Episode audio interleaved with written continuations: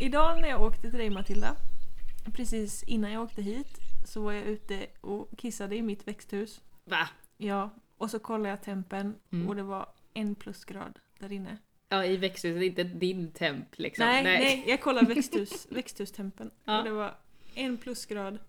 Och nu sitter vi i ditt megastora, superstora växthuset. Ja, Kallar du det va? Precis. Nu, ja, lite Eller? ödmjukt kallar vi det för superstora växthuset. Ja, precis. Ja. Och här inne är det 10 grader. Och premiär! Ja, både premiär för att spela in podd och eh, ja, men vi har börjat liksom ställa in saker här. Mm. Mm, för vi har fått något som kallas för ett eh, interimistiskt slutbesked på det här. Då blir så, här, hur stavar man till inter... Vad var det nu sa? Interimistiskt, jag vet inte. Jag Nej. vet inte. Vi har, eh, för en gångs skull spelar vi in på dagen också. Ja. Så att vi har eh, mina två små barn som gärna vill vara med, men som vi har stängt in i själva huset. ja. De får inte vara med, inte den här gången, en annan gång. Ja, en annan gång Vi har ju lovat om det. Ja, vi ska prata om att odla med barn också. Mm. Eh, ja, men, eh, vi har fått interimistiskt slutbesked, vilket betyder att vi får börja använda växthuset till det det är till för.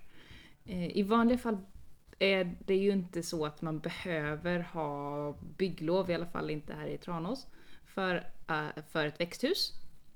Eh, Hur stort den lite. är. Ja, Jag tycker det där är så konstigt. ja, det är märkligt. Mm. Nu kommer katten också. Nu kommer katten ja. De har ju sin kattlucka här. Mm. Eh, nej men det, det räknas liksom inte som ett riktigt hus på något sätt, antar jag. Jag vet inte. Nej. Men eftersom att vårt superstora växthus sitter ihop med vårt boningshus så eh, tog vi det säkra för det osäkra och har sökt om bygglov för det. Eh, ja, vi behövde nog inte det egentligen, men vi har gjort det bara för att vara på den säkra sidan. Mm. Så om det skulle vara något, om någon skulle klaga så har vi ändå papper på att vi får ha det. Och nu har vi fått slutbesked om att eh, det är okej att börja använda det. Mm. Även om det inte är riktigt klart än. Men det är tillräckligt klart för att inte räknas som en byggarbetsplats längre utan som ett växthus. Just det, för det är ju tätt. Det är tätt, ja. Precis. Eh, och ja, vi, ah, vi måste få in all jord igen. Men det är ju liksom, ja nu är det en halv meter snö ute. Ja, du hade ju mätt snödjupet. Ja, jag Ja. gick ut med tumstock, körde Mm. ner den. Eh, och det är typ en halv meter. För jag skulle ut och hämta lite saker till vår biskola som vi ska ha idag, biskolan 2. Mm. Och vi har inte skottat upp till vårt lilla bihus. Vi har ett lusthus som vi har byggt om eh, till, ett, till att det ska vara bitätt så att vi kan slunga där inne. Eh, och dit upp har vi inte skottat för där brukar vi inte vara på vintern men där har vi alla bisaker. Eh, och då fick jag ju pulsa i det här och jag tyckte att nej, nu är det för himla djupt. Och det var det. Ja, Det var jättedjupt. men det är tyst då. Det tänkte jag på hemma förut, att det blir knäpptyst när det är så här mycket snö. Ja, man kan nästan tro att man är döv. Ja, det är positivt. Ja. Ja, inte, inte att kanske vara döv utan att det är så tyst, tänker jag. Mm. Mm. Det är skönt. Ja, så förutom att vi har fått en halv meter snö, Mm. vad har hänt sen sist vi spelade in Matilda? Vad har hänt sen sist? Sist spelade vi in i slutet på februari. Sista Mm. veckan i februari och nu är vi inne i sluttampen på första veckan i mars. Ja, precis. Ja, jag blir osäker. Har du sått tomater? Ja! Jag har sått tomater. Mm. Så himla mycket tomater har jag sått. Förra gången hade jag ju vintersått lite tomater på vinst och förlust. Det gick vi igenom förra gången. Nu har jag sått tomater på riktigt av eh, nästan alla sorter som eh, jag tänkt att odla i år. Mm, Det känns jättebra. De har inte kommit upp än. Det har de säkert gjort när det här poddavsnittet släpps. Men nu när vi spelar in det har, det, har de inte kommit upp. Nej. Vad har du gjort? Jag har också sått tomater. Mhm. Lite i stress för jag insåg att vi skulle prata tomater i det här poddavsnittet. Nej men har du stressat? Förlåt! Nej, inte stress stressat utan mer ja, jag måste väl få arslet ur och stoppa ner dem där i jorden. Jag har ju tänkt att göra det i typ tre veckor men jag har liksom bara, ah, det är nog lite tidigt. Ja, det är lite tidigt, tycker jag. Och det känns som att det är ännu mer tidigt än vad det kanske är just för att vintern hänger i så pass mycket. Mm. Jag brukar så mina tomater i mars, i början av mars, så jag är inte ute i mer god tid än vad jag brukar vara. Men eh, jag brukar vara ganska tidig med dem ändå. Mm. Men det Mm. brukar ju inte vara en halv meter snö. nu. Nej, jag brukar inte. Det känns galet att så tomater nu. Ja. Men jag hoppas bara på att fåren liksom ligger och lurar och att den bara kommer att... Ja, men- Explodera om En vecka eller Ja, två. kicka rumpa med den här vintern rätt så snart. Mm. Så det känns bra. Hoppas på det. Annars har jag väldigt många små tomatplantor som... Hur många har du sått? Eh, Sår du i pluggbrätte eller nej. bredsår du i askar? Och jag, krukor? jag sår i såna här krukor som är 7x7 cm ungefär. Mm. Och där eh, sår jag ett antal frön och sen så när de har kommit upp en bit och fått ja, men, Andra bladparet? andra eller? bladparet, något sånt. Ja, det beror lite på eh, hur, eh, ja, hur trångt det blir, hur mycket tid jag har och sådär. Men Mm. när de är lite mer stabila, då planterar jag om dem eh, till egna krukor. Eh, Och i varje sån här kruka så tänkte jag ju då när jag skulle så att, ja men om jag har, jag har 30 sorter ungefär. Och så... Om Bara jag så, det är galet mycket. Ja, bara det är galet. Men jag har 30 sorters tomat som jag har sått och då om jag sår 10 frön av varje och alla de skulle ta sig, då är det 300 tomatplantor. Ja. Och, och så tänkte jag fast alla kommer ju inte att ta sig. Så, så då kanske, om vi säger att det blir då 250 plantor. Räcker det? Tänkte jag. Okej. Ja. ja, och jag brukar ju sälja tomatplantor också.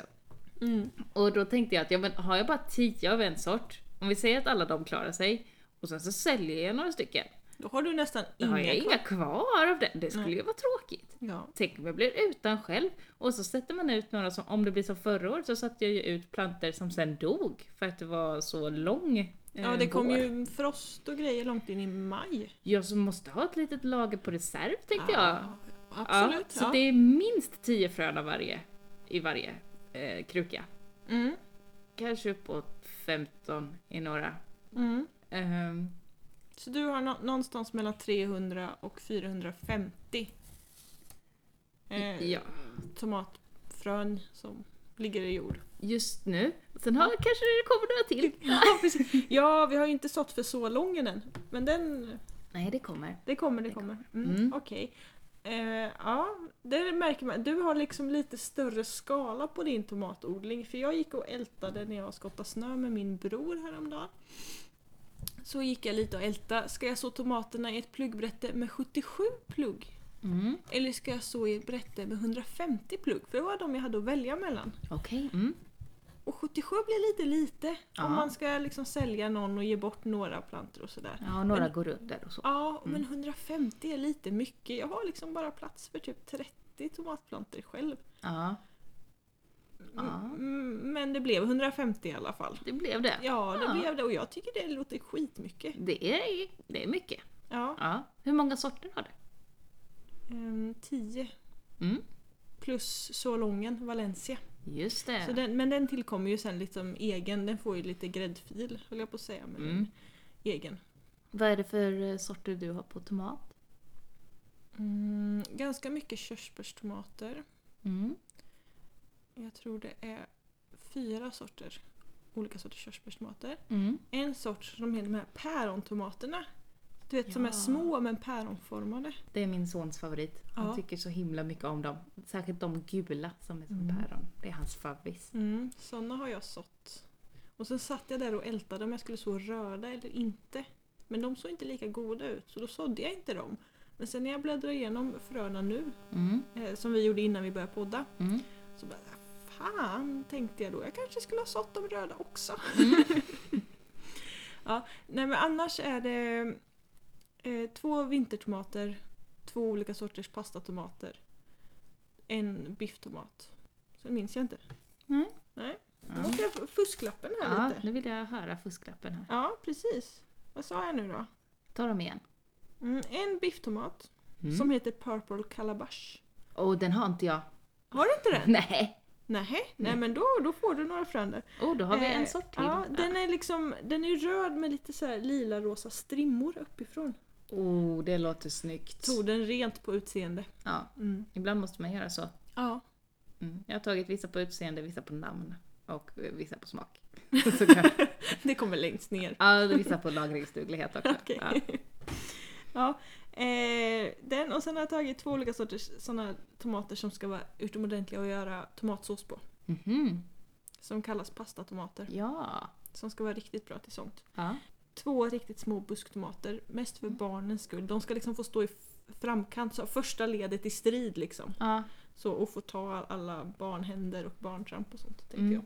Mm. Eh, fyra olika sorters körsbärstomater, eh, en plommontomat, eh, två olika sorters lagringstomater och en pärontomat. Bra jobbat tycker jag. Ganska bra, ja. Mm. Jag har lagt ner mycket energi på att fundera på vilken sort så att det inte ska bli för mycket. Mm. Åh, för, så jobbigt om det blir för mycket. ja, men jag kanske går lite bananas för jag bara så här. Ah, men vi kan ju plantera några tomater i hinkar så kan man flytta runt dem där de får plats. Ja. Och sen bara, men vi har ju två västväggar på våra uthus. Ja. Med fin, där kan vi ställa jättemånga hinkar. Det får plats många hinkar på nio meter. Ja. Ja, alltså det, tomater är gott. Det är bara att köra på. Vi är ju inga jättetomatätare, det är ju det. Så vi gillar ju Mm. pärontomaterna och körsbärstomaterna. Men det här att skiva liksom vanliga tomater. Men just alltså, ha det som tomatkross i pastasås och sånt. Ja, ja. Ja, ja. då går det åt rätt mycket. Mm. Det är bara att länsa, frysa. Perfekt. Fryser du hela tomater? Jag har inte gjort det än, jag tänkte jag ska testa det. Jag brukar ju köra det i eh, mixen, i matberedaren. Just då finfördela och sen frysa. Ja, i Mm. små ja, burkar eller Mm. Det är ju perfekt. Kommer du ihåg när vi gick odlingskursen så var det en eh, klasskamrat där som eh, hade som tips att stoppa ner körsbärstomater i såna här burkar med snäpplock som blir lufttäta. Mhm. Eh, så fyller du såna med, med tomater och med typ vitlök och lite kryddor om du vill. Mm. Så fyller du på med olja precis så det täcker. Mm. Så skjutsar du in dem i ugnen på Mm. 100 grader och precis när det börjar bubbla lite i oljan Mm. så ska du ta ut dem och stänga dem. Så får du någon form av liksom så här in, halvkokt oljekryddiga, halv... Jag vet inte. Super, super, super gott sa hon att det var med liksom så här drömsk dimmig blick du vet. Jag har ett vagt minne av det. Av att vi satt på en pizzeria och Mm. hon pratade om det. Visst var det så? Mm. Mm.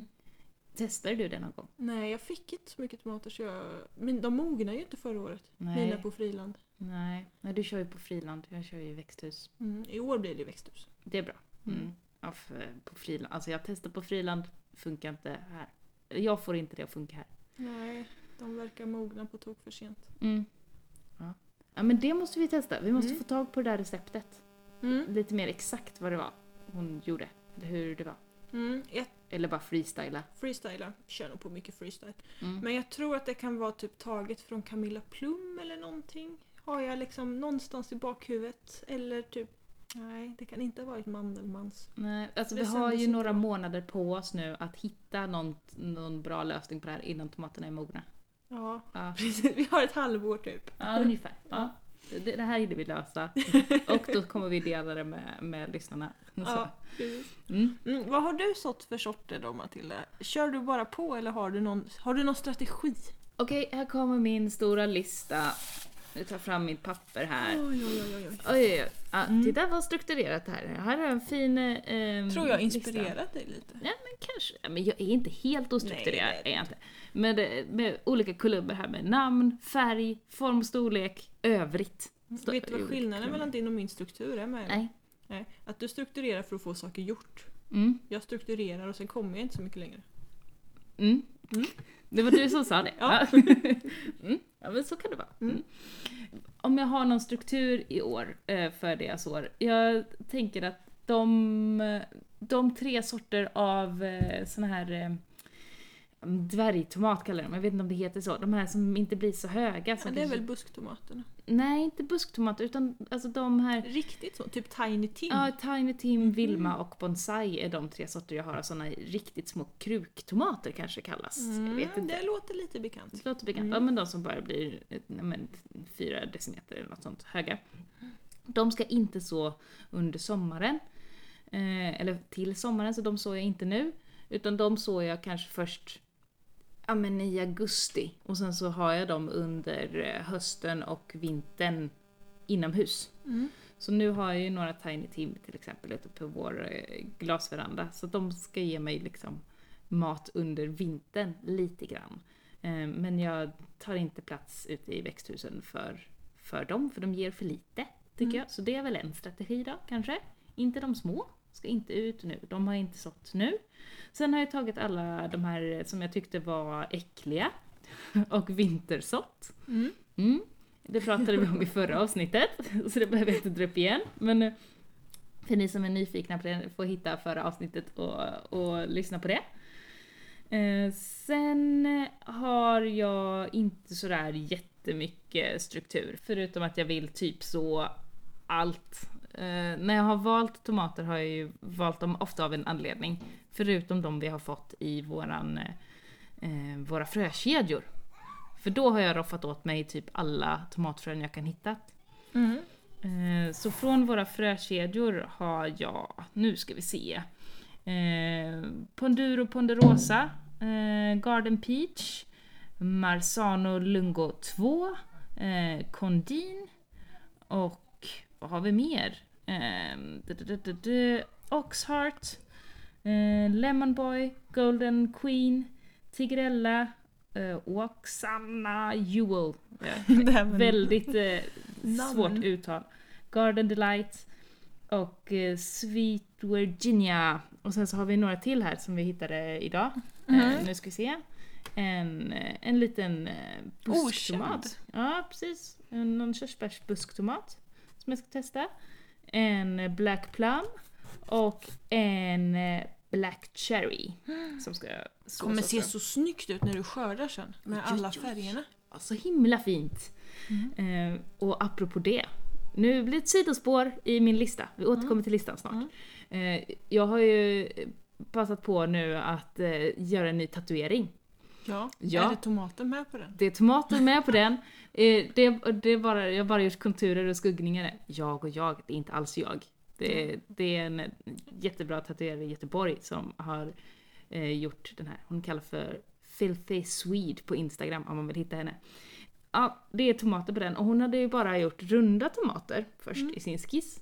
Sen när vi höll på där och hon började liksom med konturer så här. Så pratade vi om tomater och jag pratade om min favorittomat. Eh, som är eh, Costeluto Genovese. Mm, bifftomat. Jättefin, knölig sådär. Så himla god. Jag misslyckades totalt med den förra året. Ja, Det är därför den inte får vara med hos mig i år. attans. Ja, det kanske, ja, det kanske kan bli någon över. Vi får se. Jag har satt många frön av den såklart.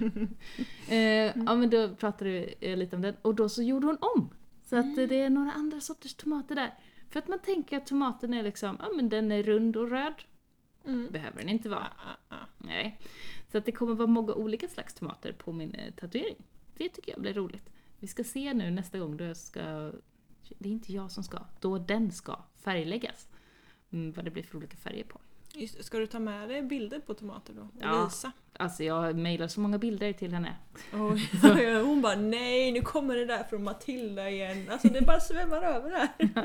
Ja men hon verkar gilla det. Hon är också lite inne på odling och ehm, eh, vi har skickat massa bilder på höns till henne och jag pratade med henne om en tomat som heter Moonglow som jag också ska så. Som innehåller extra mycket lykopen som då ska vara eh, extra speciellt god och bra och nyttig för den innehåller mycket lykopen. Mm. Mm, Den är gul va? den är gul. Precis. Jättegul. Ja. ja. Innehåller mer lykopen i gula tomater. Har- Och åter till listan. Sen har vi till vår så lång ska ju så Valencia såklart. Sen har jag några som jag har eh, köpt från, från den här eh, tomatklubben. Ja, Ja. vilka är det? Det är Gelbe Dattelwein, en tysk sort. Alltså tyska namn, du får förlåta. Vi har någon chili som också har något tyskt namn och det är såhär gewurzpaprika typ. Det låter ju så... Det låter alltid som någon här dålig parodi på Hitler Nej men, när man pratar tyska. Mm. ja, jag gillar tyska. Ja, Ja. mysigt. Sen så har vi ju Principo Cheese. Den här lagringsdugliga tomaten. Mm, den har jag också sått. Ja. Den sådde jag förra året med. Ja, gick den bra? Den var faktiskt den som jag tror gick bäst av mina. Oh, Fast de blev väldigt små okej. eh, förra året. Ja. Men vi fick mest skörd av den. Ja. Ja, men då hoppas jag på den. Mm. Jag har inte provat den innan. Ja, den är ny för mig. Sen har vi Dancing with Smurfs. Bara för namnet. Gud. Ja. Ja, jag har ingen aning om Men kommer en tomat som heter Dancing with Smurfs, då, då är jag gud, med. jag, hur ser den ut? Jag måste googla. Nej, jag vet inte. Jag får upp något så här. den måste ju vara... Rödsvart har jag skrivit här i min lista att den ska vara. Mm. Jag går vidare medan du Ja, googlar. ja. Den. Sen har vi English breakfast och eh, Orange moon glow som vi pratade om innan. Sen har vi en del ampeltomater. Eh, Jag ville försöka Oh. utnyttja volymen här i det här stora växthuset. Eh, Och då tänkte jag att ampeltomater kunde vara bra för att kunna ha tomater liksom en våning upp i växthuset. Alltså den där Dancing with Smurfs, den är lite liksom röd, eh, röd, svart, lila på en del kort. Och den verkar vara, när den är omogen, verkar den vara liksom väldigt svart, lila. Får se? Oj, oj, oj. Den var ju snygg. Den var skitsnygg. Ja. Oj. Riktig smurftomat. Mm. Det ser, ja, det ser lite ut som smurfbär. Smurfbär, vad är smurfbär? Ja, men har, du har väl sett smurfarna? Det var... Vad är det de plockar för något? Jag vet Är inte. det inte smurfbär? Alltså de är, det är knarkade små blåa varelser, jag vet inte. De var visst röda. Ja. Titta vilket dåligt minne jag har. Okej, fortsätt. Ja. Mm. Eh, ja, jag har några ampelsorter. Pendulina, den röda, eh, har jag som ska vara en ampelsort. Och sen så har jag Tumbling Tom Yellow och Tumbling Tom Red också. Eh, som jag ska prova att ha här inne i stora växthuset. På liksom en våning upp här så kan de hänga ner och så ska det vara så Ni ska inte mysigt. hänga dem upp i nock utan ni ska hänga dem under gångarna. Ja, alltså vi har ju liksom 6,5 meter i takhöjd så att, nej, jag kommer inte hänga dem i nock. Det kommer liksom för högt upp. ha- Ja. Jo, men jag tänkte om, skulle, om du skulle skicka upp din man med krokar och Ja. långa linor. Ja, jo, okej, Eller- möjligheten finns att ha dem uppe i nock, men jag tror också att det kan bli lite varmt där. Värme stiger och sådär. Så Ja. att, det- jag kommer att ha dem Det är på... där du kan ha melonen sen så den kan hänga ner. Ja, just det. Just det. Och tänk att få den i huvudet. Bara, nu är den mogen! Boom! Melonkross på hela... Ja, jobbigt, jobbigt att städa. Ja, så himla dumt. Mm. Ehm, Du får ju virka såna här små påsar i melonerna och hänga dem i. Mm. När jag har tid med det ska jag Mm. göra det. Sen har jag eh, Korean och eh, Sabeleka. Eh, två stycken eh, avlånga tomater. Som jag ska prova. Också från den här eh, från tomatklubben. Mm. Och sen har vi den här och nu kommer ryskt här, mitt fina ryska uttal. Eh, Ljubinji korall. Vi får se. Tror det var jättefel uttalat. Ja, det men- tror jag också. Ja. Ja. Och Severnyi.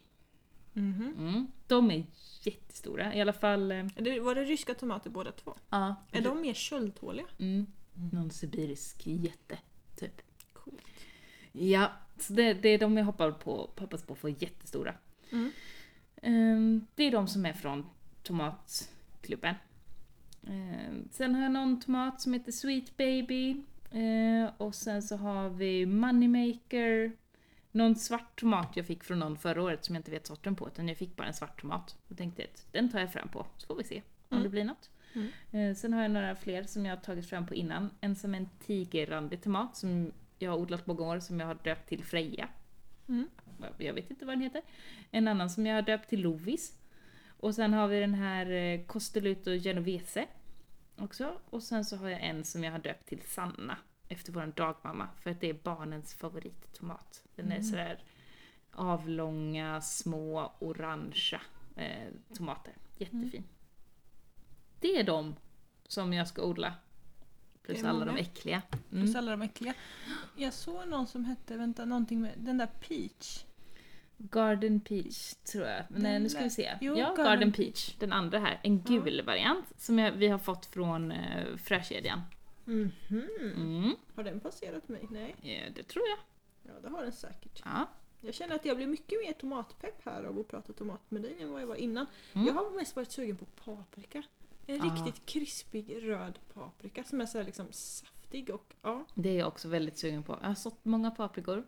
Mm. eh, Så att, eh, fast bara av två olika sorter. Mhm. En sort som är jättestor och en som skulle vara jättegod.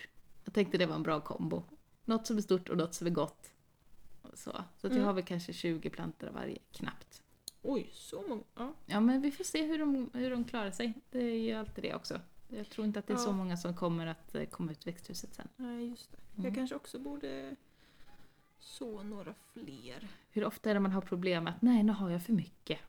Mm, sällan. Ja, Väldigt precis. sällan. Ja. Ja, nej, jag så, när jag sådde tomater så stoppade jag faktiskt ner eh, en omgång med tomatillofrön Mm. och lite mer paprika. ja. För att jag tänkte att, eh, ja men lite mer, jag är så sugen, jag är så sugen liksom. Mm. Vad är skillnaden mellan tomat och tomatillo? Eh, tomatillo typ ser ut som en blandning mellan tomat och eh, fysalis. Mm. Men som det här höljet runt liksom, Ja. pappershöljet De runt. har hölje runt också. Ja, Är det din grej nu att odla saker med hölje runt? För du har pratat om det i flera avsnitt nu. ja, för att, nej. Jo, du pratar om Ja. det här kapkrusbär, kappkrusbär, vad det nu var. Ja, Och sen så om fysalis och nu om det här. ja. Ja, Nej, Jag, men jag har ju hittills inte lyckats få något att gro nej just det. Ja. Så att jag försöker. Det är din dröm. Ja, men tomatillo smakar ju typ ehm, lite mer eh, fruktigt. Lite mer åt ananashållet. Mhm. Eh, och är jättegod att göra typ. Man kan göra salsa verde på den. Mm. Och det smakar typ som tacosås. När vi har Mhm. gjort den. Så att vi odlar den för att göra egen tacosås. Smaskigt. Helt enkelt. Mm. Mm.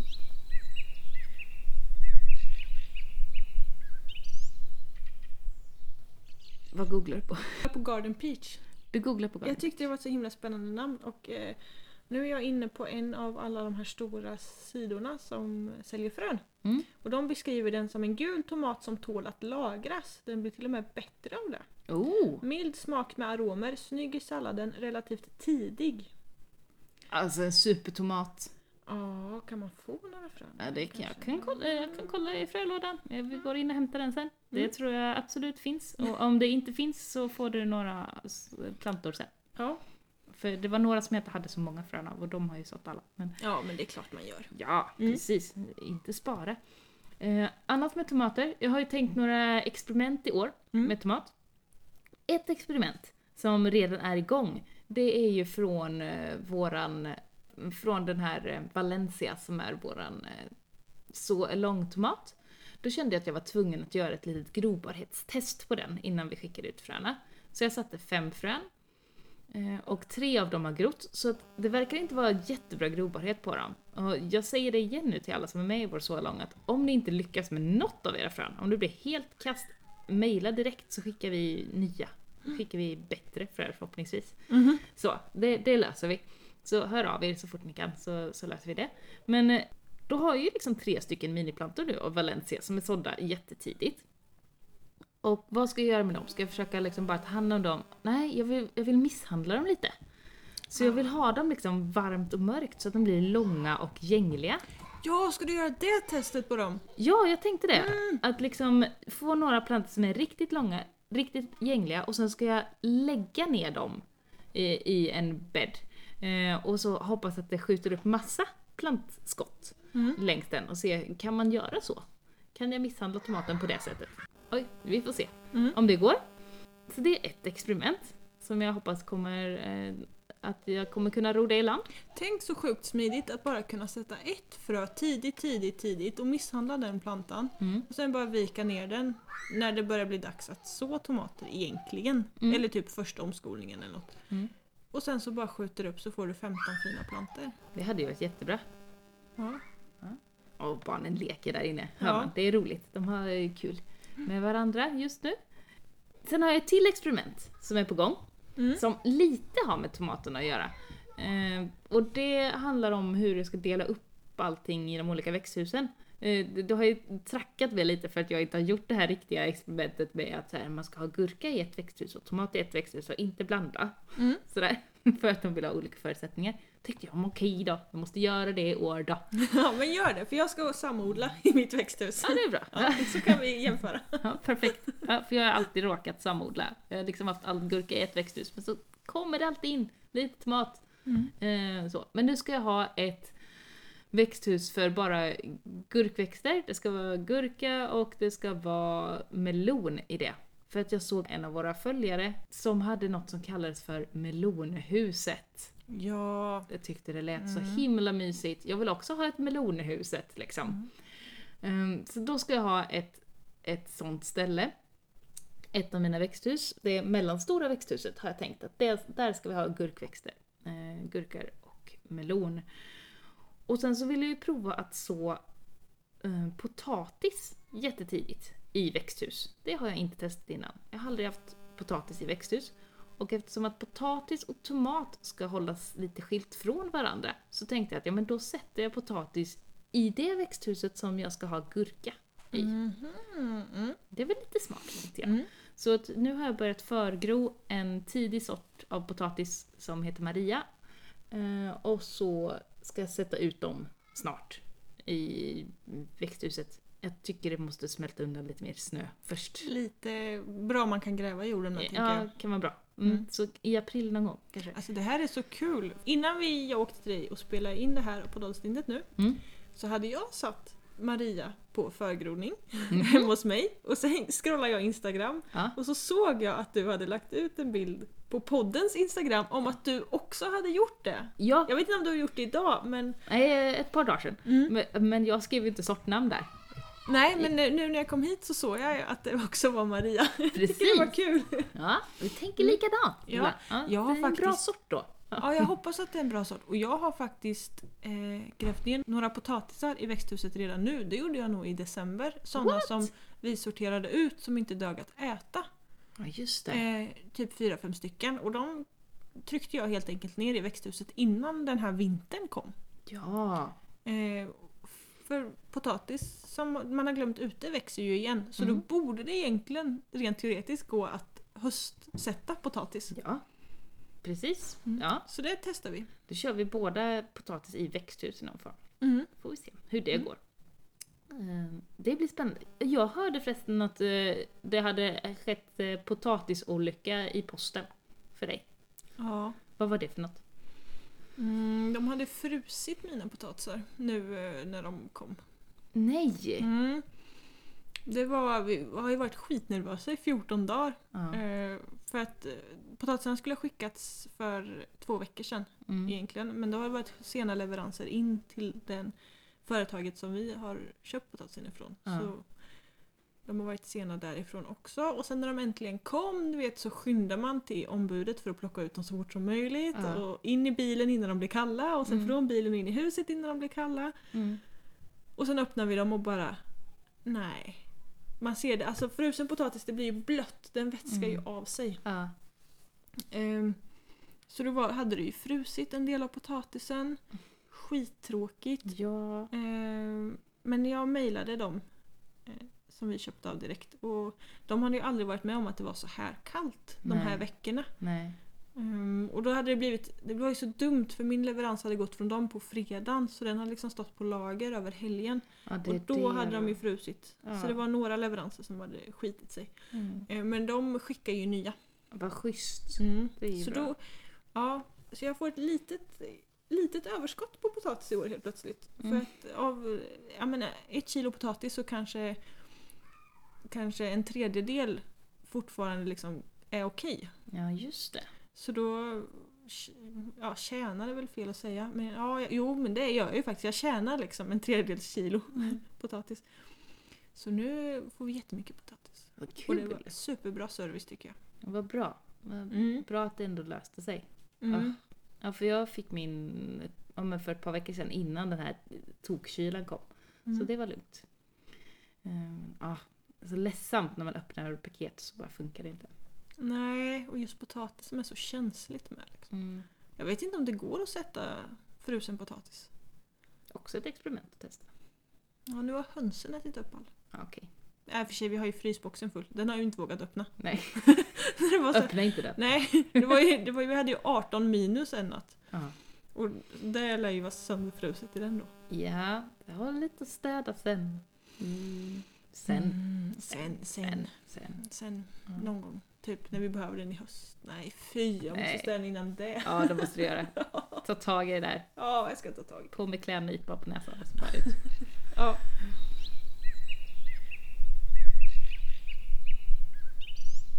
Ja, idag när vi släpper podden på nätet så är det dags för den stora så långsådd-dagen. Mm, Det är idag vi ska så våra frön. Eh, Det blir roligt. Mhm. eh, att så dem. Eh, vi hade ju satt ett maxantal på 30, vi har utökat det lite. Vi är lite drygt 30 stycken Mm. som är med i våra så-lång. Det här med att begränsa sig och hålla sig efter linjer och rikt... Ja, svårt, svårt, svårt. Mm. Eh, och vi kanske inte hade jättefull koll på hur många som var med heller. Eh, så Kan vara så också. kan vara så också. ja. Ja. men vi har en väldigt bra spridning på våra odlare i alla fall. Mm. Eh, vi har våran odlare längst upp i norr, norr bor i Nordnorge. Så vi håller oss inte ens inom Sveriges gränser. Nej, jättekul tycker jag. Jättekul att vi har en norska med. Sen har vi ända ner till Österlen. Så att det känns jätteroligt Mm. att vi har en så bra eh, spridning på det. Eh, de kommer odla i växthus, eh, både i glas och i plast. Det kommer odlas i krukor, på balkonger, det kommer att odlas på friland, eh, gödslas på massa olika sätt. Och ja, det, det Mm. blir spännande att se. En del kommer odlas med konstant uppsikt och en del kommer odlas i sommarhus där de bara får tillsyn några dagar varje vecka. Mm. Mm. En del kommer odlas av barn också. Ja, Det blir Mm. roligt. Mm. Eh, Så det, det, det blir jättekul. Eh, Man kan följa våran eh, Solong på våran hemsida under, vi har en flik där som heter Solong. Eller Mm, var med ja. och sen ma- precis. Huvudmenyn så finns det ett val som heter Var med och sen under det står det så lång. Men vi kanske skulle göra en helt egen så lång. Vi får se var Ja. den ligger på hemsidan helt enkelt. Precis. Ja, man kan hitta den på hemsidan. Mm. Där kommer vi lägga ut eh, en liten karta så man kan se var våra odlare befinner sig någonstans ungefär. En liten tabell över hur de odlar och sen så det som de skickar in till oss kommer hamna under där. Så att man kan se lite om någon skickar in bilder eller hur det går och så. Det blir spännande. Mm. Det ser jag så himla mycket fram emot. Mm. Ja, jag är jättesugen på att sätta mer tomater nu. Ja, Ja. så himla bra.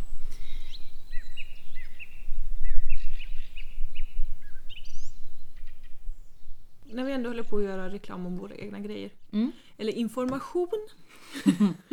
Någon form av konsumentupplysning. Ja, precis. eh, ska du göra lite konsument konsumentupplysning med Matilda?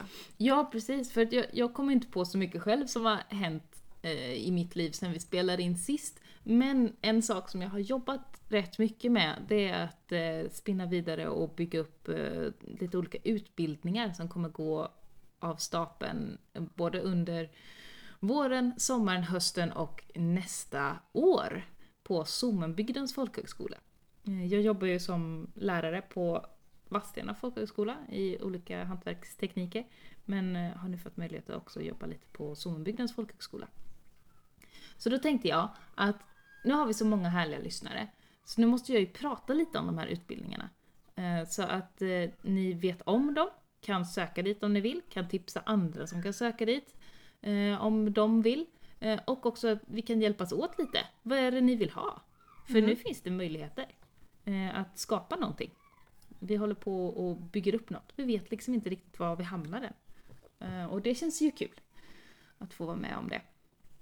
Eh, Vi funderar lite på olika kortkurser, sådär över en helg eller över en vecka. Och vad skulle man kunna göra då? Lite olika vävkurser till exempel. Vi funderar på. Eller gör din egen ost. Lite mejerikurser och sånt där.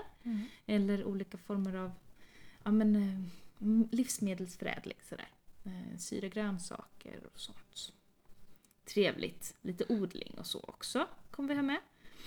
Eh, sen har vi en terminskurs som kommer att gå till hösten med tema hantverk, återbruk och odling. Det är den jag jobbar mest med. Mm. Den tror jag kommer bli jättekul. Jag tänker, jag, ser med, jag tänker direkt så här att man kan verkligen använda hantverket till att göra återbrukssaker som man kan använda i odlingen. Ja, det liksom hänger ju ihop allting. Mm. Eh, så att, ja, men den känns som en sån klockren utbildning verkligen. Eh, har Kommer ni göra fågelskrämmor? Och det vet jag inte, jag har inte gått in sån i detalj. Det måste vi göra. Ja. Det känns som ett eh, bra upplägg. Ja, Mm. det, kan- det kan vi göra. Så, det löser vi. Ja, men det, den, den känns kul. Vi har fått tillgång till en byskola en bit utanför Ödeshög. Du ser hur mycket på landet det är. Eh, Det är en byskola som har lagt ner som vi försöker att få liv i igen genom att ta tillvara på de kunskaper som finns bland de som är där ute och bor där ute i Mm. byalaget. Vi har bland annat en smed som ska vara med och hålla i lite smide. Vi har en kvinna som håller på med keramik, så det kommer att vara keramik på utbildningen. Sen kommer jag med mina kunskaper om hantverk, framförallt textilt men också en del metall Mm. och återbruk. Och sen så kommer odlingen in i det också. Mm. Kul. Det är ju en väldigt fin... um, Jag som är uppväxt, för det, den där byskolan ligger ju faktiskt i Östergötland. Den gör ju det. Den är inte småländsk. Nej, Nej, precis. den är på andra sidan gränsen och jag är ju lite uppväxt i, i de där krokarna. Och det är ju fin, det är ju djupskog just Mm. där omkring. Och sen inte långt ifrån så har du ju Vättern, Mm. hela Östgötaslätten, det är ett riktigt, Tåkern, ett riktigt så här konstnärsstråk med Ja, där alltså, omkring. det bor så mycket lustigt folk i boet. Det, ja, mycket konstnärer och väldigt sånt mycket konstnärer. Mm. Eh, och Omberg. Mm. Så himla fint. Mm. Så jag tror att det kommer att bli något väldigt bra av de som, eh, som hjälps åt med att bygga de här eh, kurserna som vi Mm. nu håller på att få till. Eh, vi ska också göra en läsårsutbildning som kommer börja då ja, men, om knappt ett år, som börjar efter jul nästa år. Den kommer gå 2019 och då kommer ju de här bitarna med hantverk och det in också och odling men då kommer vi också ha in mer med det här med jordbruk, småbruk, eh, lite djurhållning och eh, ja, men, lite mer om gårdsmejeri och eh, ja, de bitarna. Mm. Eh, alla de här kurserna kommer ju mer eller mindre handla om hur man kan inte bara leva på landet utan leva av att bo på landet. Eh, Slippa pendla till stan. Ja, precis. Mm. Hur kan jag få hur kan jag få möjlighet att jobba på mitt... eh, Ja, bo med i- ditt liv. ja, Liksom. Ja. ja, precis. hur, hur självhushållarlivet även kan ge kontanter kanske man kan säga. För att Precis. hur den är så behöver du ju kontanter idag. ja, Eller du behöver pengar liksom. precis. Vi håller på att snickra på en eh, utbildning också i hållbart skogsbruk. Mm. Fundera på att rikta den mot tjejer.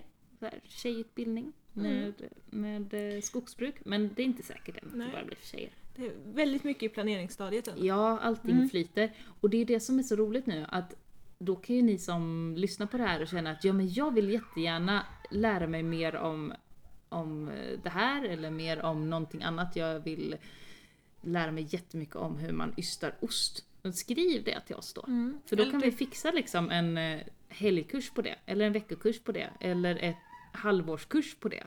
Mm. Sådär. Att man, finns det ett intresse, får vi tillräckligt många deltagare så kan vi fixa det. För Mm. nu har vi helt plötsligt en lokal där vi kan vara. Precis. Jag, jag som letar lite halvt aktivt efter en typ trädgårdsmästarutbildning Mm. fast inte... Jag vill ju ha en med väldigt mycket alltså grön färgad trädgårdsmästarutbildning på Mm. något sätt. Det känns som att många är ändå inriktade på... Alltså, jag vet inte riktigt hur jag ska beskriva det men de jag har hittat är inte riktigt rätt inriktning. Liksom. Mm. Jag vill kanske få in bitar av permakultur och mer självhushållning och sånt i dem. Just det. Ja, det är bra. Det får vi jobba vidare på. Ja, men jag tänker då om våra lyssnare har sådana önskemål att man liksom letar efter utbildningar, hittar utbildningar men de känns inte riktigt rätt. Mm. Man har liksom en helt annan vision. Då kan man ju mejla nu. Ja, så vi vet liksom. Vad är Mm. det folk vill ha? Vi behöver er hjälp. Eh, och vi behöver att ni anmäler er också till våra kurser som finns. För några ligger redan ute på hemsidan på Sommenbygdens folkhögskolas hemsida. Så där kan man hitta mer info. En sista kurs som finns Mm. nu, som jag inte har någon koll på. Jag är inte inblandad i den alls. Eh, Men de kommer göra massa hundkurser där ute också i boet. Så det kommer finnas massa hundar där. Hundtränarutbildningar och sånt. Mhm. Eh, också för att få liksom, liv i den här skolan. Så vill man gå på utbildning med sin hund, kan man göra det. Nu finns den. Va? Så Ja. ni vet. Otippat! Eh, lite otippat, Ja. precis. Men då, det är, så, vad jag har förstått det så är det jättemånga hundkurser som går nu där man inte får med sig sin hund. Men Mm. va? Ja, så är det. Ja men det är Du ska liksom lära dig träna... Ja. Man får inte ha hund i liksom skolans lokaler och sånt. Men Nej, nu är vi i den här lilla byskolan, det är bara vi där. Klart ni kan ha med hunden. Liksom. Ja, just det. Vi får lösa det så att de inte hamnar i köket där vi ska hålla på att göra ost. Ja. Eller syra grönsaker. Ja. Ja, precis. Mm. Ja, så någon, någon form av... eh, Lite såhär barngrind. Ja, någonting. Jag vet inte. Det, det, det kommer lösa sig. Ja. det. Ja. Den finns också. Mm. Slut på konsumentupplysning. Ja, nu har jag gjort tillräckligt mycket reklam. Jag kommer att återkomma till det. Men eh, Mm. det var allt för nu. Mm. Mm, om det.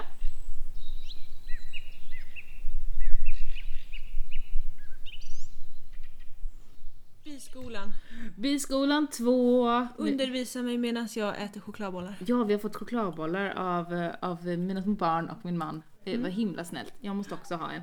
Eh, nu ska vi se. Eh, Så taskigt att ta in dem precis när jag kommer prata jättemycket och inte kommer att kunna liksom äta det. Jag kommer bara sitta här och sukta. Mm. Ah, ja, så är det. Eh, idag i Biskolan 2 så tänkte jag att vi skulle prata om själva boningsplatsen för bina, om själva kupan. Så jag har med mig en bikupa här idag.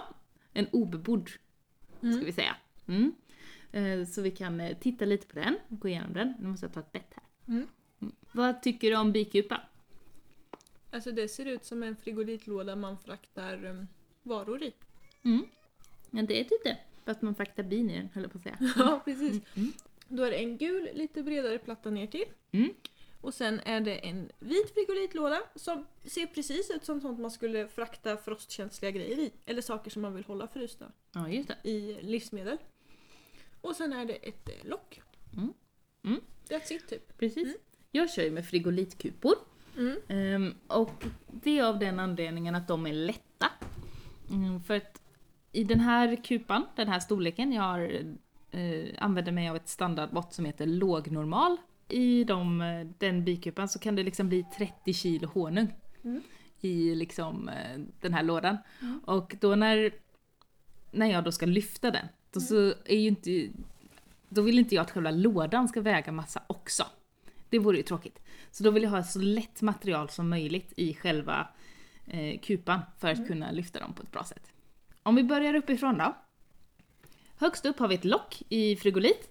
Det är liksom inte mer med det. Jag brukar lägga en sten uppe på eller en, eh, ja men sån där, vad heter det, takkupa eller något sånt. Något, något tungt uppe på. Mm. Eh, så att inte det här locket som också är av frigolit ska blåsa av. Just, har du målat det själv? Eller Ja. köper man dem i olika färger? Men precis, man, de är vita när man köper dem, precis som den här lådan är i mitten. Mm. Men sen ska man måla dem. Jag Mm. brukar måla mina gula, men det kan man ju välja vilken färg man vill. Mm. För att de ska tåla UV-ljuset. Tåla solljuset bättre. Mm. Och hålla bättre. Mm. Eh, Så att den här lådan som jag har här har jag inte hunnit måla än. Men locket har målat. Mm. Då tar vi av locket. Så. Sen har jag en plastfilm. Och det är för att jag ska kunna ta av, ta av det här stora frigolitlocket och titta ner i bisamhället Mm. utan att bina flyger upp Mm. och utan att all värme eh, försvinner ut. Jag kanske bara vill kolla lite nu på vintern skulle jag nog inte öppna det, men, men tidigt på våren eller sent på hösten. Någon Då, varm vårdag eller så. ja, och, och se då om bina har gått i klot, alltså om de har gått ihop som en liten boll och sådär och försöker hålla värmen. Och då är det så himla taskigt om, om jag så öppnar så bara ah, det hade ni gjort men nu har jag släppt ut all er värme så himla elakt liksom. Tyvärr, nu fryser ni ihjäl. Ja. Mm. Och jag har sån plastfilm. Eh, det finns glasskivor också man kan ha. Men det är också det här igen med att ja, men det blir tungt och eh, ja, men de kan gå sönder lättare så. Jag tycker det är smidigt med plast. Yes, nästa lager som jag har här. Här har jag något som kallas för ett spärrgaller. Och nu är det inte riktigt helt korrekt för att ett spärrgaller har man mellan två stycken lådor. Okej, så egentligen ska det vara en till sån här vit sak. En till vit Vit sak låda. Mm. Men jag ville ha med spärrgallret här. Eh, och ett spärrgaller är alltså som en träram som är lika stor som lådan. Och sen så är det ett nät här i, eller ett Mm. galler. Eh, med väldigt, ja men det är väldigt eh, tätt. Mm.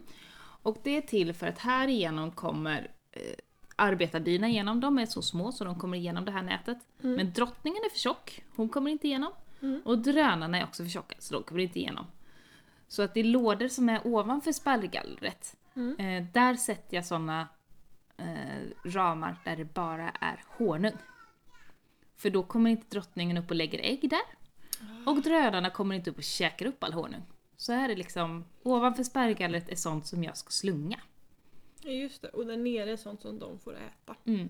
Och lådorna som är fyllda med ramar som jag ska slunga, den kallas för skattlådan. Mm. Fint va? Ja. Mm.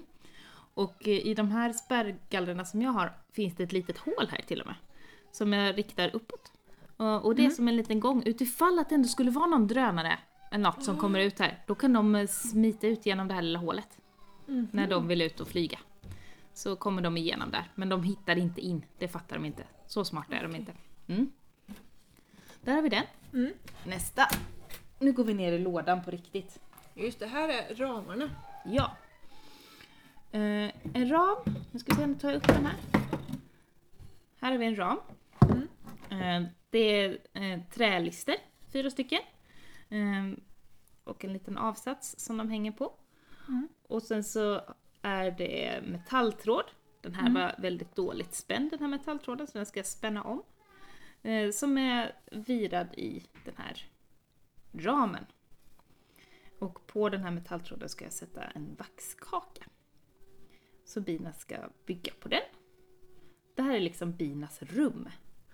Eh, och det är här som all vax hamnar. Hade jag inte haft de här ramarna, då hade bina byggt ändå i den här lådan. Och då hade de byggt hur som helst, då hade de vildbyggt, kallas det. Så de vill ändå bygga vaxkakor, och de vill bygga såna här väggar. Jag tänker, bygger de inte såna runda man hittar liksom? Som häng... Alltså om, om du... Eh, ja, det är i och för sig getingbo kanske. Den där runda som ser ut som de i Nalle Puh. Ja, just det. Som man kan hitta i uthus och sånt där. Ja. Jo, men, Som och, och det, droppar som hänger nästan, eller vad man ska säga. ja, men det kan vara bin också. För de, de bygger liksom uppifrån och så bygger de ju ner en kaka som brukar bli Ja men de kan ju vara rätt så stora. När det finns vildbin så är... Alltså det finns ju vildbin av andra raser i andra delar av världen och då kan de vara liksom flera meter stora. Eh, Som Oj. de bygger i klippavsatser och så. Och då sätter de sina yngel högst upp i den här vaxkakan. Mm. Och sen så tar de honungen längst ner. Mm. För att om vaxkakan går sönder så är det ju eh, inte lika jobbigt att tappa bort sin mat som att tappa bort sina barn. liksom. Så det som är viktigast Ja. högst upp närmast sådär. Eh, och då de som lever av sådana bin, alltså vildbin, Mm. eh, då går de ju till en sån här klippavsats och eh, tar och skär av då biten längst ner där det bara är honung. Så de utnyttjar ju det. liksom. Mm. Ja, men det, det är så vi jobbar med bina, utnyttjar dem, tar nytta Ja, av dem. men det är väl så gör. vi gör med typ de mesta djuren vi har. Ja, precis. Mm. När man ska sätta dit sin vaxkaka, Mm. eh, för här har vi en, en vaxkaka. Mm. När jag ska sätta dit den eh, så- så har jag en, en speciell pryl för det, som jag också har med här. Nu ska vi se, här är vårt hemmabygge. För att få dit en vaxkaka. Mm. Så, här har vi den. Ser du? Kan du se vad det här är? Jaha, jag trodde du hade lagt in datasladd här. Ja, det är en gammal datasladd. Ja. Det, här, det här är nog inte lagligt, höll jag på att säga. Ni, oh, ni smälter med den där. Jag gillar, jag gillar silvertejpen. Ja, Mm. det är liksom en, en, en, någon sladd, någon adapter, något sånt där. Jag tror det har varit en dator. Mm. Sen så har vi byggt på här lite med, med två sladdar som det står eh, varsin spik i. Sen så kopplar vi in den här och om man sätter ihop spikarna så bara säger det pang! Mm. Mm. Ehm, riktigt sådär farligt. Då sätter vi en spik i varje hörn på de här eh, trådarna som är ramarna och då blir trådarna jättevarma. Så har vi lagt en vaxkaka på och då smälter vi ner den så Ah. att tråden hamnar mitt i vaxkakan. Eh, och då sitter den fast. Mm. Så så kan man göra. Eh, det är smidigt. Mm. Sen har vi längst ner här, nedanför eh, lådan, så har vi något som kallas för flustret. Ja, det är där de dödar alla. Petar ut dem. Ja, det, det är dörren liksom, det är Ja. ingången. Mm. Längst ner i bikupan så är det som eh, en, eh, en liten öppning. Mm. Eh, och de måste ha också lite, lite plats här framför. Mm. Eh, så, så de kan gå ut lite som en farstu. Ja, så man kan just. gå ut här och titta. Hur Mm. ska jag åka? Och så eh, flyger de iväg. Mm. För det, måste, det, det är framförallt viktigt för de måste ha någonstans att landa. De flyger inte rätt in i bikupan utan de landar här precis framför flustret och så kryper de in. Mm, mm. Ehm, och sen ska vi se här, om jag flyttar lite på lådan. Det är ju ett nät till. Ja, det är ett nät till här i botten. Om vi kollar på själva botten av bikupan eh, så är det ett eh, nät här under. Och det är för att till exempel nu på vintern eh, så måste ju bina ändå ha luft. Och det kan komma massa snö här fram på flustret, för det skulle ju vara den enda öppningen till bikupan. Mm. Och det kan vara lite tight då. Mm. Så att de får sin mesta av luft, luften underifrån. Är det hål i botten på den där vita? Ja det är Ja, det. det är hål rakt Det, igenom det är lådorna. liksom bara som ramar det också. Ja, Mm. precis. Mm. Det finns olika sorters bikupor också. Jag får jättemycket reklam för något som heter to- taklistkupa. Tok... Ja, Heter det Precis. taklistkupa? taklistkupa är Mm. en, en slags eh, bikupa. Det ser ut som ett fodertråg mer tycker jag. Ja, precis. Den är rätt så poppis nu, taklistkupan. Mm. Eh, Kan bero på all reklam på Facebook. kan, kan bero på det. Ja, och alltså det... Det som är grejen med den här typen av kupa, som jag har, eh, Mm. det är att man bygger på den uppåt. Att jag sätter på lådor uppåt, uppåt, uppåt. Det blir som ett stort torn, liksom. Mm. Sen finns det andra eh, typer av bikupor där man bygger på längden istället. Mm. Att, eh, Ja! Mm. ja, så att man bygger liksom åt andra hållet. Så att jag alltid en bekväm arbetsställning. För att när det blir sådär fem lådor för det här, då är det väldigt högt och väldigt eh, tungt. Mm. Åh vad barnen håller på att tramsa nu. Ja. Mm. ja, men då blir det väldigt högt och väldigt tungt. Mm. Mm, så då kan det vara smidigare att ha en som är på längden. Mm. Mm. Mm, Ja. Sen så finns det också något som var väldigt populärt för något år sedan kom den tror jag. Mm. Som kallades för Flowhive. Har du hört talas om Flowhive? Nej, det lät väldigt 70-tal. Ja. Så tänkte jag. Ja. Lite, ja. Nej men den... Jag har inte liksom sett den på riktigt. Jag har bara sett den på nätet där de höll på att crowdfunda den. Mm. Eh, det är någon slags grej så att man ska inte liksom behöva gå in i kupan för att eh, få ut honungen. Man ska inte behöva slunga utan de här ramarna som finns kan man då öppna på något sätt så är det en liten kran och ska det bara rinna ut honung direkt från kupan liksom. Därav namnet flow, för att det liksom flödar ut. Men när vi var och slungade här förra året så var Mm. man tvungen att skrapa bort liksom det yttersta vaxellagret Mm. på ramarna för att öppna upp till honungen. Ja, men de har ett liksom annat system. Att de har som, om jag har förstått det hela rätt, jag är Mm. inte jätteinsatt i Flowhive, men ehm, det måste vara något slags dubbla väggar eller någonting på den här Flowhiven och så liksom bryter man upp den. Så att man tar aldrig bort locken utan man går från andra hållet inifrån, liksom bryter upp den och så rinner det ut på något sätt. Vet inte. Googla Flowhive om ni vill. Jag tycker det funkar bra så här. Men det Mm. kanske är framtiden. Mm. Jag vet inte. Nej, Mm, det händer mycket. Mm. Mm. Det som jag borde hålla på med nu den här årstiden med bikuporna, det är att eh, bygga såna här ramar eh, och tråda om de gamla ramarna som vi har. Eh, smälta ner gammalt vax har jag redan gjort i höstas, men nu ska jag smälta ner det igen för att kunna göra vaxkakor och sätta in dem i ramarna. Så att jag till våren bara har det och kunna sätta ut det. Eh, och vi har byggt ett eget litet så här, såklart vi har byggt ett eget. Såklart. Ja. Ehm, Din man är ju som någon galen Petson typ. Japp. Mm. Det är sexigt. ja, nej men eh, då har eh, min man Jon då gjutit av en vaxkaka i silikon. Så att jag har liksom en silikonform här. Känner du hur spännande det är? Ja. Ja. Ehm, Så att då, då har jag de här stora vaxklumparna. Jag gillar eh, de här. Den här strukturen. Ja. ja, de sexkantiga små Mm. grejerna. Då smälter jag ner vax på spisen och sen så häller jag i det i den här silikonformen, låter det stelna och sen så lägger jag dem på hög och sen så när jag Gör har... du om hela processen? Ja, så gör jag Mm. det om om, om, om igen. Ehm, och jag har vax i såna här stora block. Jag smälter ner vaxet i en gammal saftmaja på, på Mhm. senhösten. Mm. Eh, och rena det genom att hälla eh, den här blandningen av vax och, vax och gammal honung och vatten och skräp i gamla mjölkpaket. Och då kommer det skikta sig. Så Ah. vattnet hamnar längst ner och sån tung smuts samlar längst ner. Mm. Eh, sen har vi eh, Sen kommer vaxet som då är helt rent från sån skit och sen så hamnar lite skräp högst upp om det är sån lätt smuts då Mm. som är lättare än vaxet. Så att du ser här under har jag skrapat bort allt som varit Mm, mm. skräpigt. Så då har jag bara rent vax att jobba med. Smart. Ja, Vad, vad smidigt att det skiktar sig. precis. Här har vi en annan där jag inte har skrapat bort och då kan man se liksom att det är massa skräp här.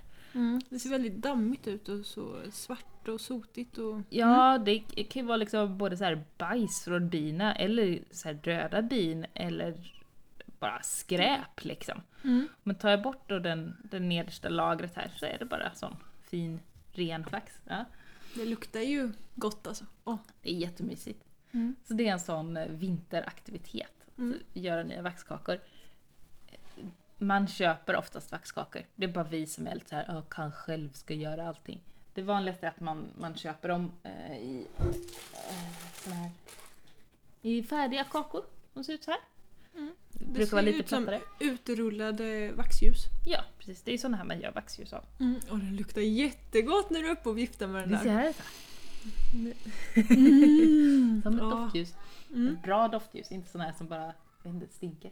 Nej precis, och bara innehåller en massa konstiga kemikalier och skit som man Mm. blir sjuk av. Det är bra grejer. Mm. Mm. Mm. Eh, Så det är sånt som jag borde syssla på. Nu blir jag lite sugen. kanske ska göra det nu. Mm. Ja. Det var lite om vax och om bikupan. Tänkte jag. Det får räcka för biskolan idag. Så Mm. fortsätter vi med något annat nästa gång. Så vet ni, ni som vill hålla på med bil. Dags att spika ramar. Dags att fixa med vaxet. Så att ni är förberedda när bina vaknar. Mm. Men först och främst, gå en kurs. Ja, jag håller ju på här. Hej våran biskola. Yes. Mm.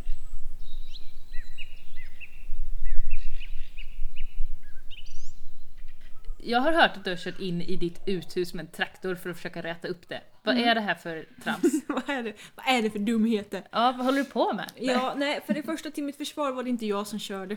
Mm, det. Du tog bild och la ut på Instagram. Ja, Mm. precis. Jag, jag beordrade min ena bror att Mm. köra. Mm. Nej, det är ju så att vi gör i ordning våra uthus just nu och har bytt timmer och grejer på ett av dem. Ska man då köra in med traktor i det? Ja, eller? Vi har lagt in nytt timmer för liksom två månadslöner typ. Mm. och så kör vi in med en traktor. Det låter inte logiskt. Nej, det gör det verkligen inte. Nej, det är så att det här uthuset har liksom fått i... Det, det, norrgaveln har liksom fått en liten ölmage, eller så lite putbuk. Jaha. Ehm, och då när de ändå skulle fixa och stadga upp hörn och sätta massa stötter och allt vad det, vad det nu heter. Jag Ja. kommer, facktermerna kommer jag ihåg i ungefär fem minuter sedan de är borta. Mm. Ehm, så tyckte de att vi skulle försöka att liksom trycka in den där putbuken så att den blir rak Mm. istället. Mm. Värsta skönhetshysterin även inom timmerbranschen. Oj. Och för att kunna göra, alltså det här gör du ju inte för hand. Nej. Så, ehm, Det funkar inte bara putta eller B-smält nej, eller så. Nej, precis. Nej. Eh, och domkrafterna som vi hade eh, som vi kunde använda, antingen kan de bara lyfta hus, alltså att de bara kan köra liksom i vertikalt läge, Mm. eh, eller också var de för korta. Ah. Och då eh, är det, har du någonting som med ett par tons tryck, typ en traktor, så Typ kan en du liksom putta. Just det. Så att hela, alltså husen rör sig ju inte jättelätt. Nej. Men tänkte du att, alltså, tänkte att vi skulle putta till det och så ska hålla det där? Eller tänkte du, nu måste vi parkera traktorn här för all framtid? liksom. Eller hur var Nej, planen? Nej, plan, planen var ju att backa in lugnt och försiktigt Mm. och trycka. Mm. Eh, tills det rätade upp sig och sen försiktigt köra bort och se om det stod kvar eller om det rörde tillbaka sig. Mm. De kan ju vara lite tjurskalliga husen. Mm. Ehm, och hade det varit så att de hade rört sig tillbaka så hade vi fått parkera traktorn där Mm. tills hantverkaren kom dagen efter. Mm. Och då skulle ju de stöttat upp det Mm. med ny- nytt timmer och fixa och dona. Så. Mm. Mm. Men det gick inte. Varför gick det inte? För att den eh, eh, traktorn som vi har till förfogande det är en gammal Fordson, sån där utan hytt. Mm. Tänk dig liksom typ en blå draghäst med dieselmotor snarare än en, en liksom modern traktor. Mm. Den orkade inte. Nähä. Den kunde inte putta liksom? Den ru- rubbade inte. Det blev liksom inte ett skråma på huset. Nej men. Jo, det blev en skråma. Skråmer blev det, men det blev inget mer. Utan den bara spann istället. Så nu har jag så snygga, snygga hjulspår istället. Okej. Men, Ja, Det var en spännande idé tycker jag. ja, Huset vann. huset vann jättefett mycket. Faktiskt, vi försökte ett par timmar med alla möjliga sätt och vis men det bara, huset bara 'fuck you, jag har stått här i 200 år, jag tänker inte röra på mig nu' Jag vill ha min putmage. Ja. ja. Som en surskallig vit gubbe. ja. Mm. Så att nej. Men det var kul ändå. Ja, jag tycker det är ett spännande projekt. Ja.